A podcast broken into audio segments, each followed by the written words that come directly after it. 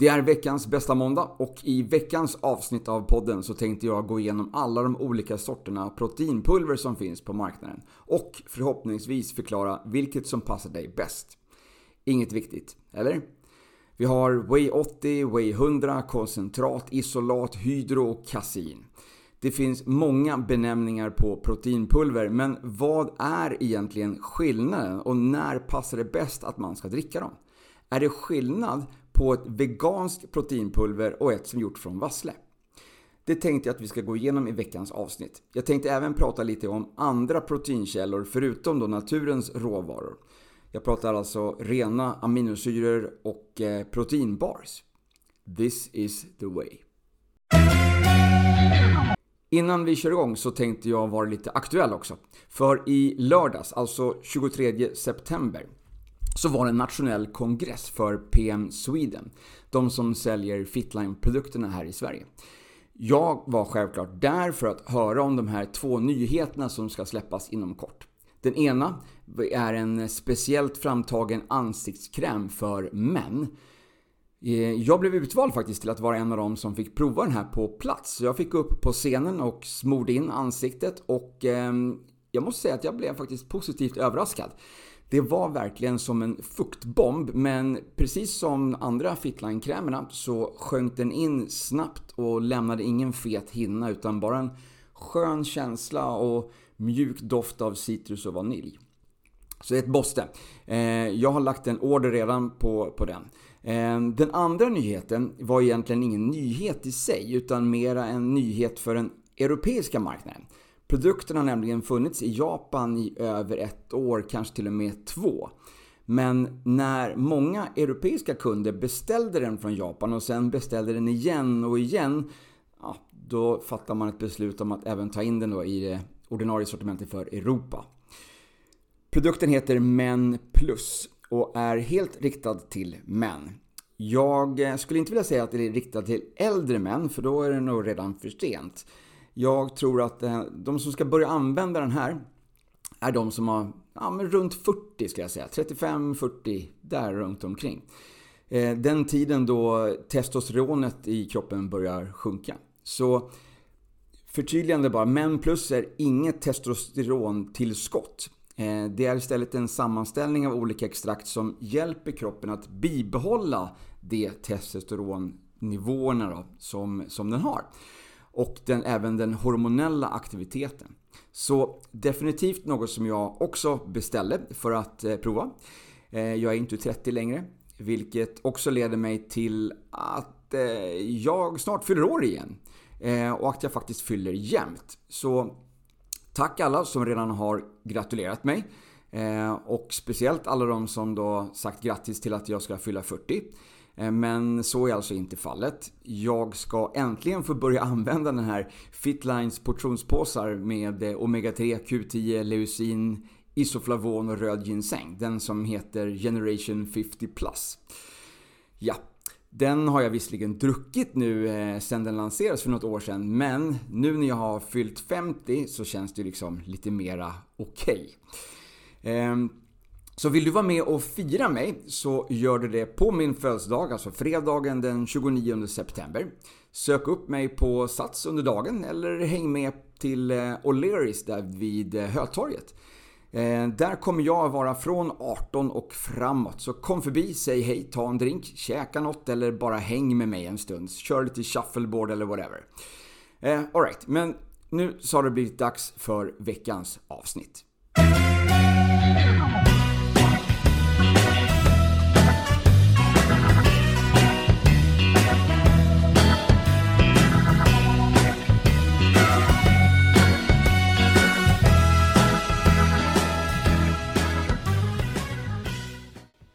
Som vanligt så börjar vi från början. Vad är protein?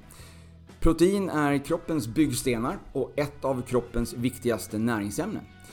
Protein är viktigt för kroppens energinivå, för att bygga upp muskler, men protein är även viktigt för vårt immunförsvar. Protein är uppbyggt av aminosyror.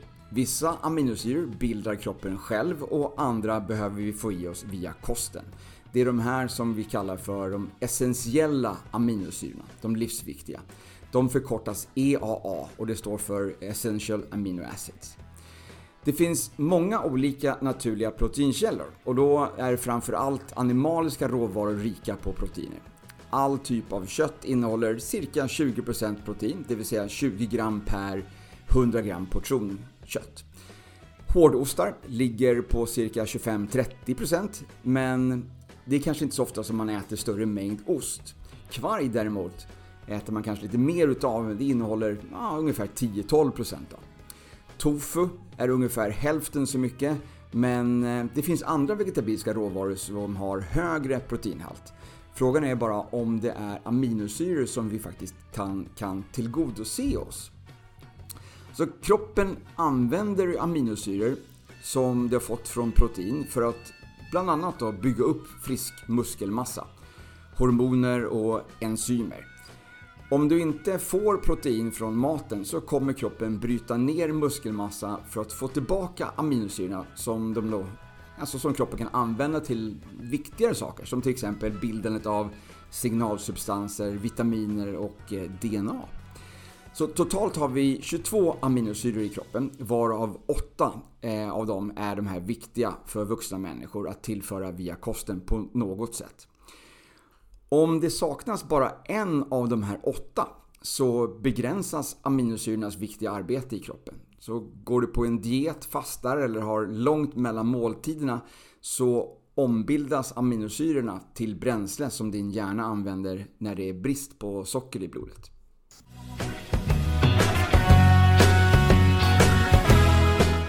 Hur mycket protein bör man få i sig per dag? Livsmedelsverket rekommenderar 1 gram protein per kilo kroppsvikt för att bevara muskelmassan och må bra. Tränar du mycket så behöver du självklart mer för då bryter du ner musklerna och eh, behöver mer byggstenar för att reparera dem. Vill du bygga mer muskelmassa så ska du kanske ligga på 1,6-2,2 gram per kilo istället. Vi kan ta mig som exempel. Jag väger ju cirka 70 kilo och tränar styrketräning och konditionsträning 4-5 gånger i veckan. Jag bör få i mig ungefär 90 gram protein per dag. Så jag äter två ägg till frukost, vilket ger ungefär 26 gram protein. Sen 150 gram kött av något slag till lunch. Det blir ytterligare 30 gram. De dagarna som jag styrketränar, alltså själv eller på pass, Eh, och inte har inplanerad måltid i anknytning till träningen så dricker jag en proteinshake med 24 gram i. Och till middag antingen två ägg eller 150 gram kött. Det betyder att de dagarna som jag styrketränat så får jag ungefär 110 gram protein och övriga dagar runt 86 gram. Utöver det så tar jag 6 kapslar med rena aminosyror varje morgon. Det är ju Alltså det är ungefär 2,9 gram totalt av de aminosyrorna, men det är ju rent, rena aminosyror. Ehm, behovet av aminosyror ökar också med åldern, som så mycket annat. Och det är också viktigt att stärka kroppen med fysisk aktivitet. Både för att undvika att tappa muskelmassa, men också för, att, för, för ökad funktionsnivå. Kan man få i sig för mycket protein? Nej, men en enformig kost med bara protein kan vara en nackdel om du inte får i dig tillräckligt med andra näringsämnen som du inte får från protein. Det här har debatterats länge om hur mycket protein också som kroppen kan absorbera vid ett och samma tillfälle. Och det verkar som att det är svårt för kroppen att ta upp mer än 30-40 gram på samma gång. Det betyder inte att övriga proteiner försvinner utan de tas bara upp senare när kroppen bearbetat de här första 30-40 grammen. Det sägs även att mycket protein kan förstöra njurarna, vilket inte är helt sant. Njurarna kan överbelastas av för mycket protein, men det är inte skadligt om du inte redan har problem med njurarna. Så äter du dessutom rekommenderade mängder så är det ingen fara. När ska man inta proteinet då? Många hävdar att det finns ett fönster direkt efter träning då man måste dricka sin proteinshake eller äta proteinrikt. Det har dock visat sig i senare årens forskning inte stämma och eh, är inte avgörande för bästa återhämtning eller muskeluppbyggnad. Får du bara i dig tillräckligt med protein under dagen så kommer kroppen hitta de nödvändiga aminosyrorna för att reparera musklerna efter träning. Så nu till själva pulvren då. Vad är egentligen whey? En fråga som jag fått några gånger när jag pratat om det wheypulver som jag själv dricker är Var kommer det ifrån? Är det vassle? Då ska jag lära dig ett nytt ord på engelska. Whey. Vassle. Ja, precis. Vassle heter whey på engelska. Så wheypulver är alltså svengelska för vasslepulver. Så både whey och kasein är restprodukter från ostproduktionen. Där kasein står för 80% och whey 20% av mjölken. För Arla är en av de största leverantörerna av råvara till proteinpulver och säljer flera hundra ton per år. Både inom Sverige men också ute i Europa. När man gör ost så använder man speciella enzymer som får kaseinet i mjölken att koagulera. Vätskan som då blir över är wheyprotein som sen tvättas och torkas till ett pulver. Den återstående ostmassan, alltså kaseinet då, den kan man antingen tvätta och torka till ett pulver eller så tillsätts det i andra mejeriprodukter som till exempel keso.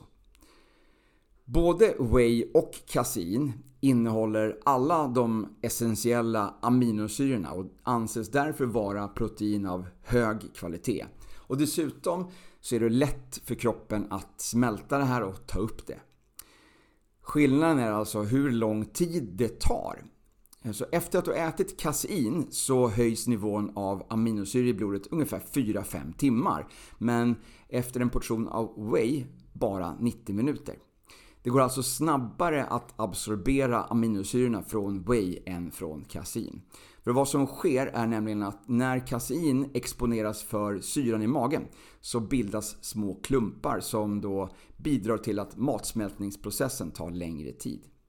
Kasein förser med andra ord kroppen med protein långsamt. Därför är kasein perfekt att ta när du vet att du ska gå utan mat en längre tid. Till exempel innan du ska sova. En annan sak som kan vara ganska intressant är att kasein är mest benäget till att förstöra din shaker. Alltså doftmässigt. För om du blandar den i fel ordning så fastnar den lätt i botten och eh, hur mycket du än skakar så kommer du inte att få loss det. Och diskar du inte den här direkt så kommer det att börja lukta illa ganska snabbt. Du vet, som gammal mjölk helt enkelt. Eh, så tricket är att först hälla i lite vatten i din shaker, sen hälla på pulvret och sen avsluta med resten av vattnet innan du skakar om.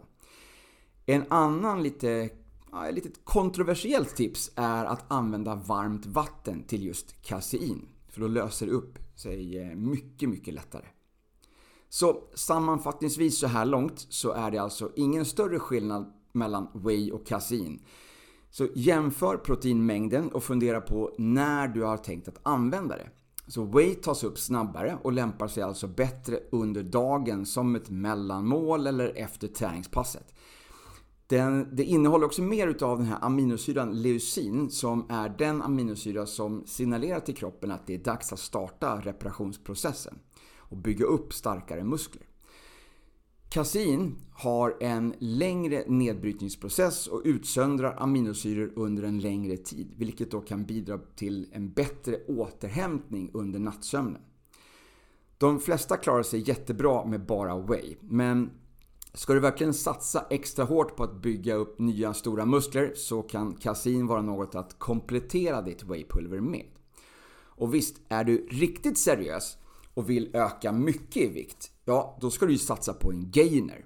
Men då gäller det att vara konsekvent med träningen eftersom de inte bara innehåller protein utan en hel del kolhydrater också. Så tränar du inte stenhårt så är det enda som kommer växa din mage.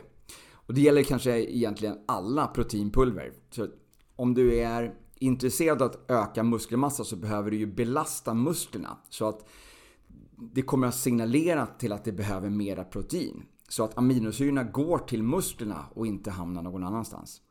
Men vi ska inte prata mer om gainers nu i det här avsnittet. Så om vi går tillbaka till Whey. Så finns det flera olika sorter även här. Du har kanske sett att det står Way 80 eller Way 100 på förpackningarna. Skillnaden ligger i framställningsprocessen. Way 80 kallas även för Way koncentrat. Way 80 innehåller fortfarande låga mängder kolhydrater och fetter men har lite lägre proteinhalt och högre mängd kalorier. Way 100 kallas även för Way isolat och betyder att produkten genomgått betydligt större reningsprocess där man filtrerat bort en större mängd av laktoset och fettet. På så sätt så blir också proteinmängden högre. Kalorimängden är också mindre och laktoshalten är nästan obefintlig. Så Way 100 är ett väldigt bra alternativ till alla som är laktosintoleranta eller för de som vill ha ett högsta möjliga proteinmängd per 100 gram. Självklart även bästa alternativet om du går på en lågkaloridiet. Proteinhalten kan variera ganska stort för ett koncentrat och ha mellan 30-80% protein medan ett isolat innehåller runt 90% protein. Sen finns det ytterligare några varianter av proteinpulver. Ett av dem heter Whey hydrolysat, ofta förkortat Whey hydro.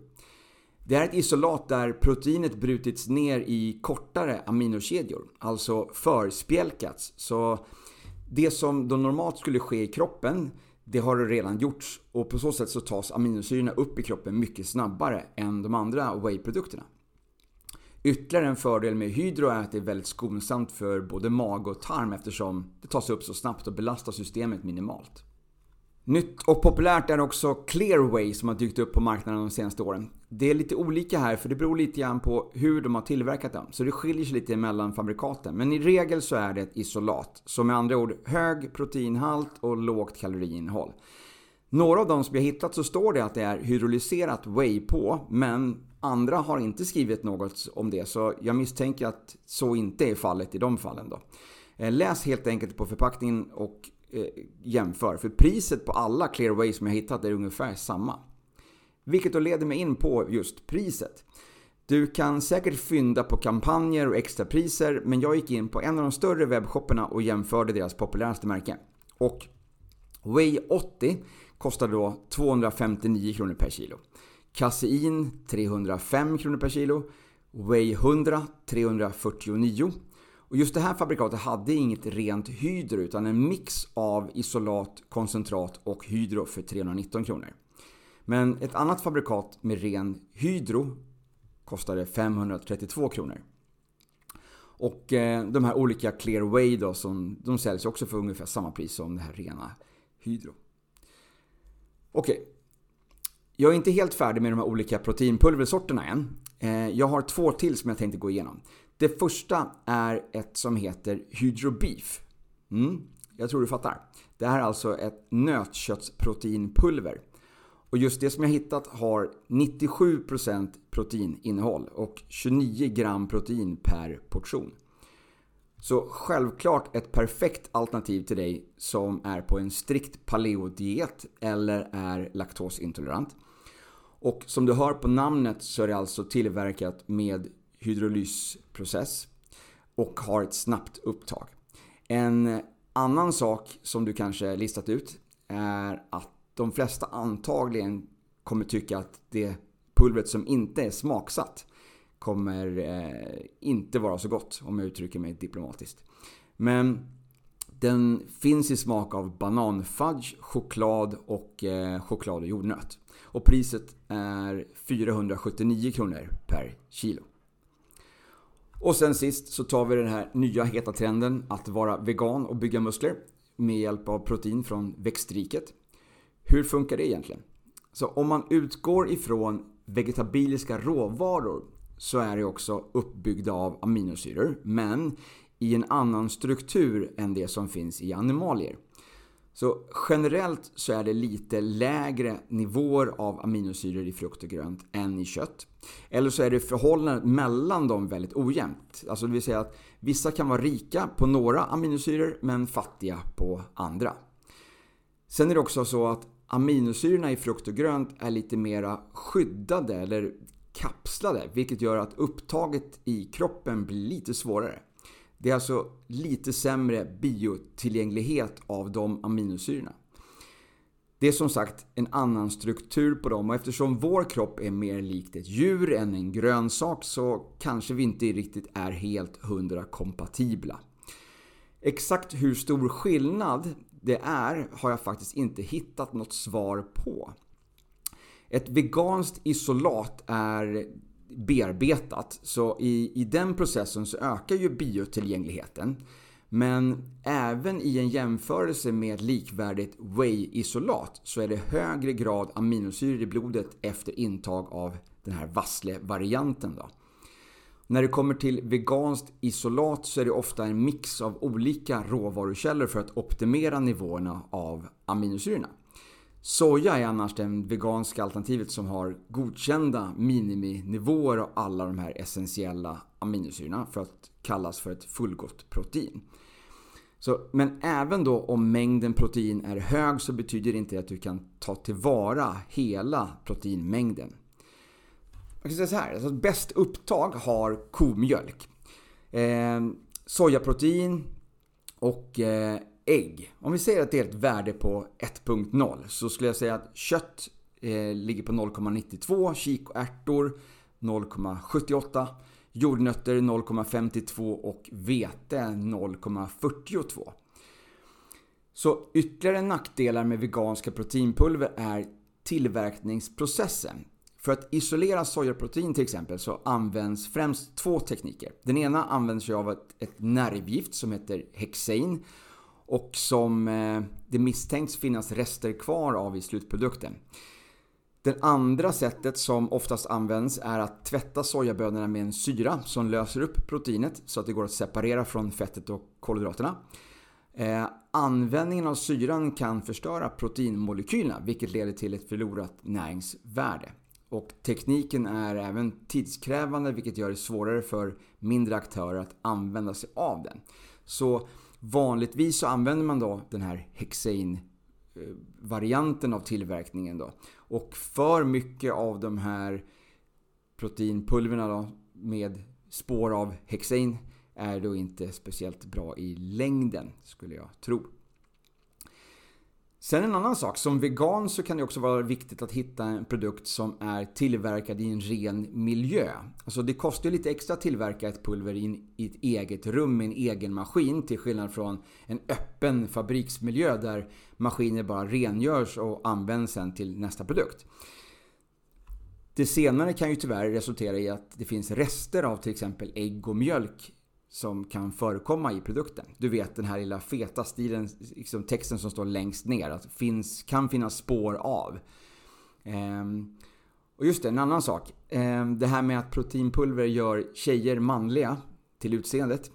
Ehm, att de får för mycket muskler eller att det skulle vara farligt för tjejer att ta ett vanligt proteinpulver och att de måste ta ett, ett som är specifikt gjort för tjejer. Bullshit. Så kvinnokroppen hanterar protein precis på samma sätt som den manliga kroppen. Så strunta i de här rosa förpackningarna som det står slim away på eller något annat dumt som de tror lockar till kvinnliga köpare. Det är bara marknadsföring. Du som kvinna som vill använda proteinpulver väljer precis som alla män det pulver som passar dig bäst utifrån dina mål.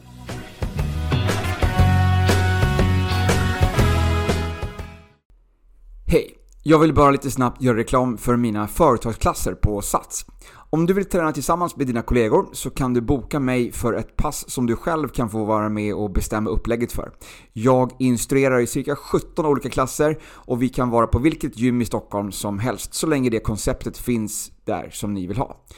Hör av dig till mig så hittar vi en tid som passar och jag förmedlar kontakten till en av våra företagssäljare som hjälper dig vidare. Priset varierar lite grann beroende på om ni redan har något avtal med Sats och hur många gånger som ni vill träna med mig.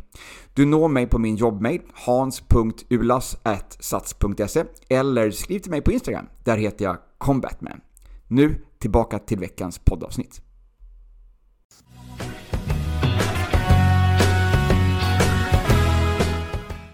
Sist men inte mindre viktigt så kommer vi till fusket i tillverkningen av proteinpulver.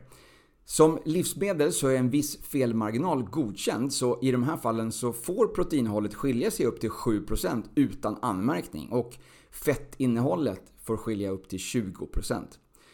Skulle det dock visa sig att det är en större differens vid test så ah, de kan få lite dålig press kanske. Men det, det blir inte så mycket mer än så. Råd och Rön gjorde ett test av 10 olika wheypulver 2011 och där var det egentligen bara ett av dem som stack ut. Så ingen av dem hade 100% samma innehåll som de hade angivit på förpackningen. Men en av dem hade 77,3% protein mot angivet 84%. Så med andra ord, inom tillåten felmarginal men ändå stor skillnad. I alla de andra fallen så skiljer det sig någonstans mellan 1-3%. Så om du som tillverkare vill så skulle du kunna fuska med mängden protein i varje förpackning och spara ganska mycket i långa loppet. Inte så vanligt att någon skickar en förpackning på analys eftersom det kostar flera tusen att göra. Så det är ett ganska enkelt sätt att fuska på. Ett annat är att fylla ut proteininnehållet av eh, billiga, verkningslösa aminosyror. Då kommer du också undan billigare i tillverkningen och kan konkurrera med andra fabrikat med ett billigt proteinpulver med ändå högt proteininnehåll utan att ljuga. Så som med så mycket annat så får du vad du betalar för. Så om vi backar tillbaka till prisjämförelserna tidigare så hade vi ju ett whey-isolat som kostade 349 kronor kilot. Den produkten listar inte hur stor mängd den har, innehållet av de olika aminosyrorna. Faktum är att det står inte ens vilka aminosyror som den innehåller. Tittar man på ett konkurrerande märke som listar alla aminosyrorna och hur många procent av varje som pulvret innehåller så får du betala 444 för ett kilo. Så typ 100 kronor mer per kilo för ett pulver som sannolikt har ett mycket bättre proteininnehåll. Så jag skulle säga att det är värt det. Jag gör ett aktivt val att om jag ska dricka ett proteinpulver så vill jag att det ska vara så bra som möjligt. Det finns ett fåtal tillverkare av proteinpulver som dokumenterat hur stor andel av de olika aminosyrorna deras produkter innehåller. Och ännu färre som faktiskt analyserar varje batch innan det skickas ut. Det är ett tillverkningsprotokoll som heter GMP och står för Good Manufacturing Practice. På svenska så kallas det för god tillverkningssed. Men som sagt, det är väldigt kostsamt och eftersom de flesta konsumenter inte bryr sig så kan fusket fortgå och ingen kräver att produkten ska tillverkas enligt det här GMP. Några mer seriösa tillverkare skickar även sina produkter regelbundet på analys hos en tredjepart. Det är ett komplement till egen analys och i vissa fall så kanske det är den enda analysen som görs då man inte kan göra det här testet själv. Så motsvarigheten till Råd i USA, Consumer Report, testade 15 proteinpulver och hittade för höga halter av arsenik, bly och kadium i fyra av dem. Clean Label Project gjorde en studie av 134 proteinpulver från 53 ledande tillverkare i USA. Och de kom fram till samma sak. Bly, kvicksilver, arsenik och kadium i många av dem. Värst var de veganska varianterna där man hittade bly i mer än 75% av dem. Men alla 10 testade proteinpulver i Sverige var okej. Okay. Proteinpulver är ändå alltså, renare kosttillskotten. Eh, det är ju värre med andra tillskott, både i pulver, kapsel och tablettform. Bara en parentes här. Malmö miljöförvaltning testade 85 kosttillskott, varav inget var ett proteinpulver. Men av dem så innehöll 15 substanser som gjorde dem till läkemedel och inte kosttillskott. Av de resterande var 78% felmärkta på ett eller annat sätt. En brittisk undersökning från 2007 av 58 kosttillskott visar att nästan en av fyra produkter innehöll små mängder av hormoner eller det förbjudna uppiggande ämnet efedrin. Återigen, så inget av de här fem produkterna i testet som klassades som proteintillskott innehöll förbjudna ämnen. Eh, dopinglaboratoriet i Köln undersökte för ett antal år sedan 634 kosttillskott och det visade sig att 15% av dem innehöll dopingklassade substanser. Så hur kan man vara säker på att kosttillskott är fria från dopingpreparat då? Nu kanske inte det är ens någonting som är intressant för dig för du ska ändå inte tävla i någon tävling där de kommer kontrollera dig. Men det kanske ändå är skönt att veta att produkten som du använder är fri från skit som inte du vill ha. I Europa så finns det två stora aktörer som kontrollerar kosttillskott. Och eh, det är dels Sportuniversitetet i Köln som har en lista som heter Kölnerliste. Eller Cologne List på engelska. Och så har du Informed Choice som har kontor både i Storbritannien och i USA. På deras hemsidor så kan du alltså söka efter produkter som är testade och godkända.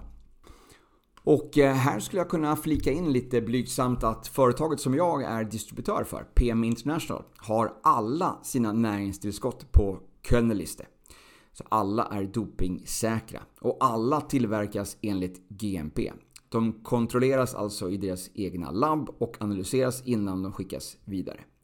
Alla Fitline-produkter analyseras även regelbundet av E-lab. Och för att göra det extra spännande så är de här testerna officiella. Alltså på alla produkter så finns det en QR-kod som tar dig till E-labs hemsida och analyserna av Fitline-produkterna. Så tyvärr så tog Fitline nyligen bort sitt Whey-pulver från marknaden för att det sålde för dåligt helt enkelt. För få seriösa idrottare har hittat Fitline och förstått hur bra produkterna är. Så där hade vi dock ett pulver som listade mängden av alla aminosyrorna och dessutom så har vi tillverkat med den här Microsoft-tekniken som maximerade upptaget. Lite grann som Whey Hydro helt enkelt. Eh, det som de har kvar i sortimentet är essentiella aminosyror i kapselform och en eh, proteinbar. Eller två faktiskt. Eh, fördelen med att ha rena aminosyror i kapsel det är ju att du får en mycket renare produkt. Du slipper aromämnen, sötningsmedel framförallt. Men också förtjockningsmedel och klumpförebyggande medel såklart. Och om du är ute efter att stimulera muskelproteinsyntesen så är rena aminosyror dubbelt så bra som ett whey-isolat. Och då just alla de här essentiella aminosyrorna. För ett populärt tillskott som numera är en självklar del i nästan allas träning idag, det är ju BCAA. Branched Chained Amino Acids. Alltså det är en kedja bestående av tre av de här åtta essentiella aminosyrorna. Två anledningar till att BCA har blivit så populärt jämfört med EHA Det är för det första då att eh, en av de åtta essentiella aminosyrorna, metionin, smakar svavel. Så ett icke smaksatt EAA-pulver går knappt att dricka. De pulver som finns är rejält smaksatta och ändå så kan du få en lite mindre trevlig eftersmak av bränt hår. Så att göra en energiläsk med EAA skulle inte funka. Eh, det är för övrigt en av anledningarna till att jag sväljer mina kapslar. Då slipper jag ju smaken. Den andra anledningen till att BCAA har blivit så populärt, det är en av dem en av de aminosyrorna, leucin. Och det är ju den som då startar igång återbyggnadsprocessen av musklerna efter till exempel träning. Men det är en vattendelare för halva fitnessvärlden säger då att BCAA is the shit. Det ska man ta i mängder för att bygga stora muskler och få en bättre återhämtning. Alltså hur många influencers är det inte som gör reklam för olika BCAA-drycker? Alltså Nocco har ju byggt upp hela sin verksamhet på det. Och de är inte ensamma. Det finns mängder av andra energiläskor med BCAA. Och när vi ändå är inne på det så kan vi dra lite fakta om eh, BCAA. Alltså, större delen av BCAA tillverkas i Kina. Ungefär två tredjedelar av den globala produktionen. Kinas BCA säljs sen runt hela världen. Framförallt då för att den är billig och det beror självklart på råvarorna. Råvarorna är billiga.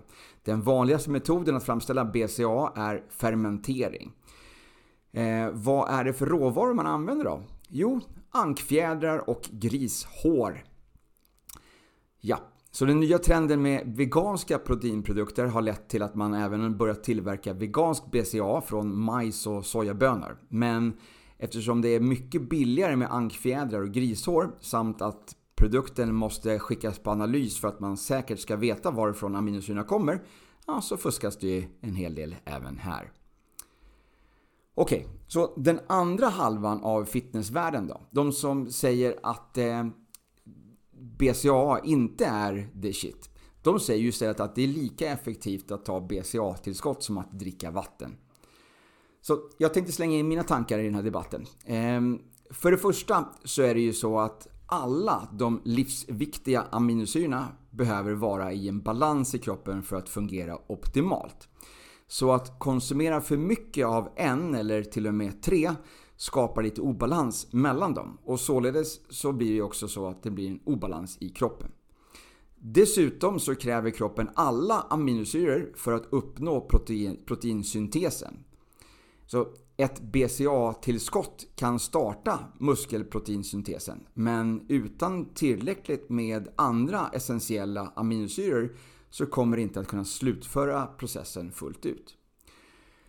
Så om du lyssnade på mitt avsnitt om koffein så har du ju säkert snappat upp att eh, det inte ger någon större effekt av att dricka en Nocco precis innan träningspasset. Och nu har du fått ytterligare en anledning till att inte slösa pengar på en sån burk. Men jag tvivlar på att deras försäljning kommer att sjunka speciellt mycket. De flesta kommer säkert fortsätta dricka skiten och hävda att de gillar smaken och leva kvar i någon sorts placebo-bubbla. Men EAA är alltså mycket bättre än BCA om du vill ha resultat. Om du bara är ute efter en god läsk så tror jag att du kan hitta godare och betydligt billigare läsker.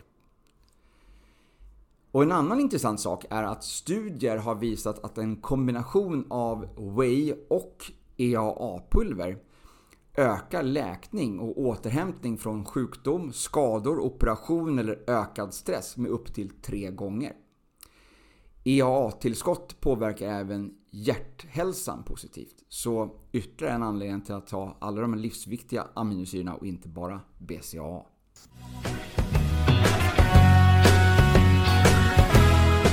Avslutningsvis. Olika proteinpulver lämpar sig vid olika tillfällen beroende på vad du har för mål. Så till exempel om du bara är ute efter att bibehålla muskelmassan och inte bygga större muskler. Då ska du kanske satsa på ett kasinpulver bara. Vill du däremot komma undan billigt och dessutom bygga muskler och om smaken är viktigast, då ska du köpa Whey-koncentrat, alltså Whey 80. Är du laktosintolerant eller vill ha ett pulver som har högre proteininnehåll och mindre fett och kolhydrater så väljer du istället Whey Isolat eller Whey 100. Är du vegan så finns det inte så mycket att välja på. Eh, men hitta den blandningen och den smaken som tilltalar dig helt enkelt. Och nästa nivå det är ju då proteinpulver eh, som är det här Hydro Beef eller Whey Hydro. Personligen så letar jag just nu efter en ersättare för Fitline Whey och provar lite olika proteinpulver utöver de här kapslarna med aminosyror som jag tar varje morgon. Så just nu så använder jag ett eh, Whey-isolat från Bulk som är framtaget för elitidrottare. Det är testat för förbjudna ämnen och eh, föroreningar enligt Informed Sports-programmet och alla ingredienserna är listade i detalj och tillverkad enligt GMP. Så om du vill prova så ger de till och med pengarna tillbaka om du inte gillar den. Beställ på bulk.com och ange Hans Ulås i kassan så får du 35% rabatt på din första beställning och dessutom fri frakt. Det var allt för den här gången. Jag hoppas att du tyckte avsnittet var lärorikt. Sprid gärna vidare och självklart så skulle jag uppskatta om du gav podden högsta betyg på Spotify och iTunes. Följ gärna mig på Instagram och även poddens Instagramkonto. Och eh, rösta i veckans dilemma. Så mitt Instagramkonto heter Combatman och poddens Instagramkonto heter Inget Viktigt Eller. Så till nästa gång, ta hand om dig.